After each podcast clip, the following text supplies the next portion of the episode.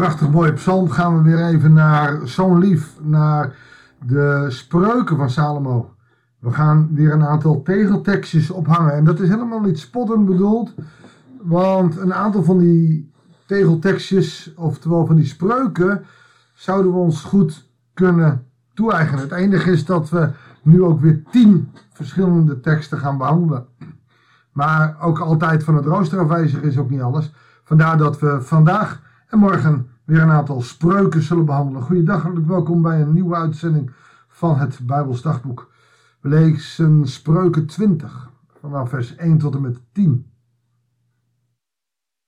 En als je van een klein beetje alcohol houdt, uh, nou, pech. Van wijn word je een spotter, van drank een braller. Wie zich bedringt, verliest zijn verstand. Het gaat natuurlijk niet om één glaasje wijn, tenzij je er echt niet tegen kan. Maar ik moet hier wel bij denken aan, we hadden thuis op verjaardag altijd best wel gesprekken. Maar de gesprekken werden pas intensief, en ik zeg het niet om over mijn vader te roddelen, maar als mijn vader een borreltje of twee, drie op had, dan werd hij fel. Fel op de dominee die dit zei en fel op de die die dat zei. Echt praten kon er alleen maar drank op. Terwijl hij helemaal niet verslaafd was of zo'n op een feestje. Uh, één of twee uh, borrels. Ja, dan kon hij makkelijker praten. En eigenlijk ging hij dan ja, brallen. Zoals ze dat zeggen. En gelukkig heb ik hem nooit dronken gezien. Maar iemand die dronken is, die is niet bij zijn verstand. Als het brullen van een leeuw, zo zijn dreigementen van een koning. Laat brengt zijn leven in gevaar. Dan kun je van uitleggen, een koning wordt ook wel met een leeuw uh, vergeleken. De, de, de, leeuw is de koning van de jungle. Narnia, Lion King. En een koning kan soms brullen, dreigende mensen, maar hij is wel koning. Hij is de baas. En als je die in de wind slaat, dan breng je je leven in gevaar, maar ook zijn leven. Zo kan koning Jezus heel scherp zijn in het Nieuwe Testament. Als je dat in de wind slaat, breng je het leven van de hemel als ware in gevaar. Ook ons leven. Van de ander.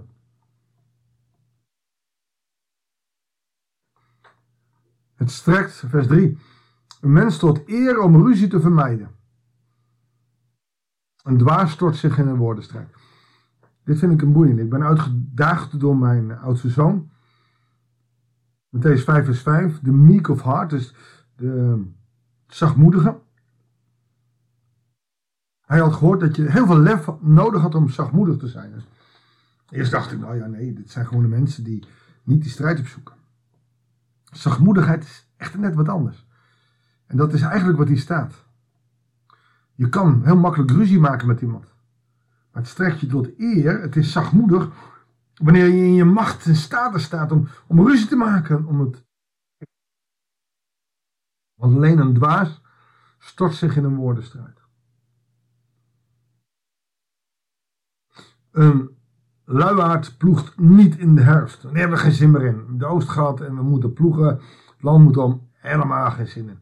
Maar vraagt zich zomers af waarom hij niet kan oogsten. Oftewel, hij niet gewoon oogsten, omdat hij niet geploegd heeft. En dan moet hij dan in het voorjaar nog doen, terwijl hij al had moeten planten. Dan krijg je dus problemen. Oftewel, een stuk planning is wel van belang. Nou, vers 5. Wat omgaat in een mensenhart is als diep verborgen water. Iemand met inzicht brengt het naar boven. Dit is heel mooi. Dit is eigenlijk wat ik probeer te doen bij pastoraat. Weet je, het is een prachtig lied. Je kunt me gevangen nemen, je kunt me van alles aan doen, maar mijn hart zul je niet krijgen. Komt in verschillende nummers voor. Mensenhart is, is de beste kluis die er is. Maar als je, bijvoorbeeld in pastoraat, als je met iemand gaat praten en dat ook op een vertrouwelijke manier kan doen, er moet altijd een vertrouwd iets zijn dan wil een mensenhart opraken. Mannen zeggen wel eens, ah, ik kan niet over mijn gevoel praten. Ja, dat is je reinste onzin. Binnen een vertrouwde sfeer kan het. Wat voel je erbij? Wat denk je erbij? Wat zal... En je kan uiteindelijk ook het mensenhart van een stugge, rationele man of van een rationele vrouw. Uiteindelijk bovenhouden. Maar daarvoor is veiligheid nodig. Velen roemen hun eigen trouw. Maar wie vindt een mens die werkelijk betrouwbaar is? Ik denk dat een mens die zijn eigen trouw roemt al onbetrouwbaar is. Bescheidenheid heeft met trouw te maken. Allemaal hebben we ons momenten dat we minder trouw zijn, dat het even niet lukt. Is er werkelijk waar één trouw, een betrouwbaar? Ja, weet ik, God, Jezus. Maar mensen, dat is het moeilijkste. En hoe meer je bijvoorbeeld in relatie met vrienden, partners of wat dan ook wandelt en eerlijk en open, transparant bent, hoe betrouwbaarder je wordt. Daar moet je op een of andere manier aan werken. Vers 7. Wie rechtvaardig is, bewandelt de juiste weg. En zijn kinderen zullen gelukkig zijn. dat is wel een thema in het Oude Testament dat als je positief bent, als je ze zegent, dat ook je kinderen positief eh, zullen zegenen. En uh, Exodus 20 is dat nog, wie goed doet, zal tot in het duizendste geslacht. En wie slecht doet, zal tot in het vierde of vijfde geslacht nog zijn resultaten ervan hebben. Positivisme, rechtvaardigheid wordt veel meer gezegend.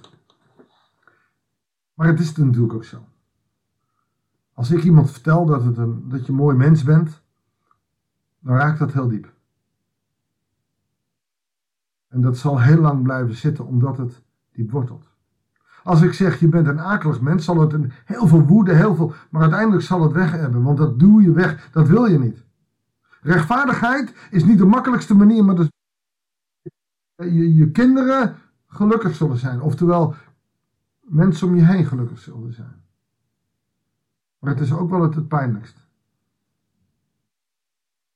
Rechtvaardigheid, eerlijkheid, ja, niet voor niets dat, dat het het langste duurt. Dat is een gezegde wat we kennen. Eerlijkheid duurt het langst. En uiteindelijk is dat hier aan de hand. Wie rechtvaardig is, bewandelt de juiste weg. Zijn kinderen zullen gelukkig zijn. Als het recht de troon van een koning schraagt, verjaagt hij met zijn blik elke boosdoener. Als je een koning, een leider ondersteunt met recht, dan is een blik al genoeg. Dat geldt ook voor mensen die recht en rechtvaardigheid hoog in het vaandel hebben. Die kunnen soms met een blik al heel veel zeggen. Die hoeven maar een halve zin te gebruiken.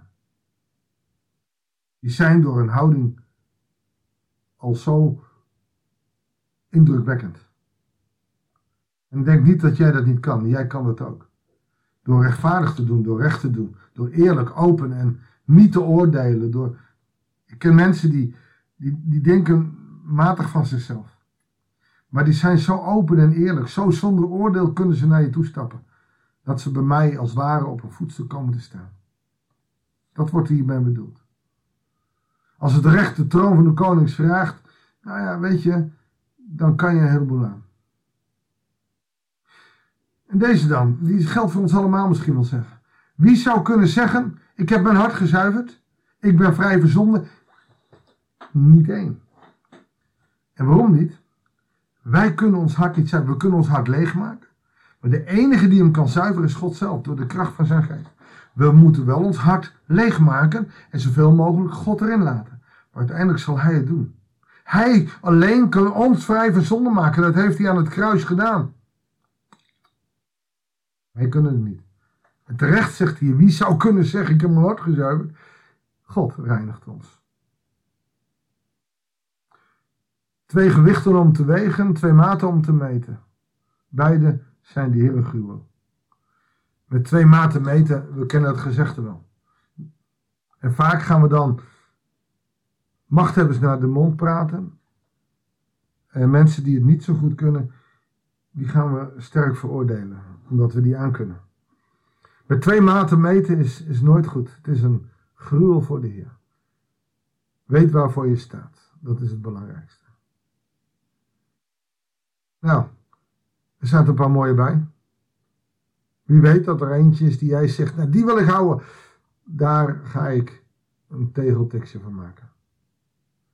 Bewaar ze maar gewoon in je hart. En weet dat je heel veel mooie spreuken uit spreuken ook onthalen. Zullen we samen danken? Heere God, dank u wel voor deze tegelteksten. Voor deze teksten die allemaal los van elkaar zulke diepe gedachten kunnen geven. U bent een geweldig God en we danken u dat we ook op deze manier met uw woord bezig mogen zijn. Uw naam zij lof en eer. We prijzen en loof uw grote naam. Van nu aan tot in de eeuwigheid. Amen. Dankjewel voor het luisteren.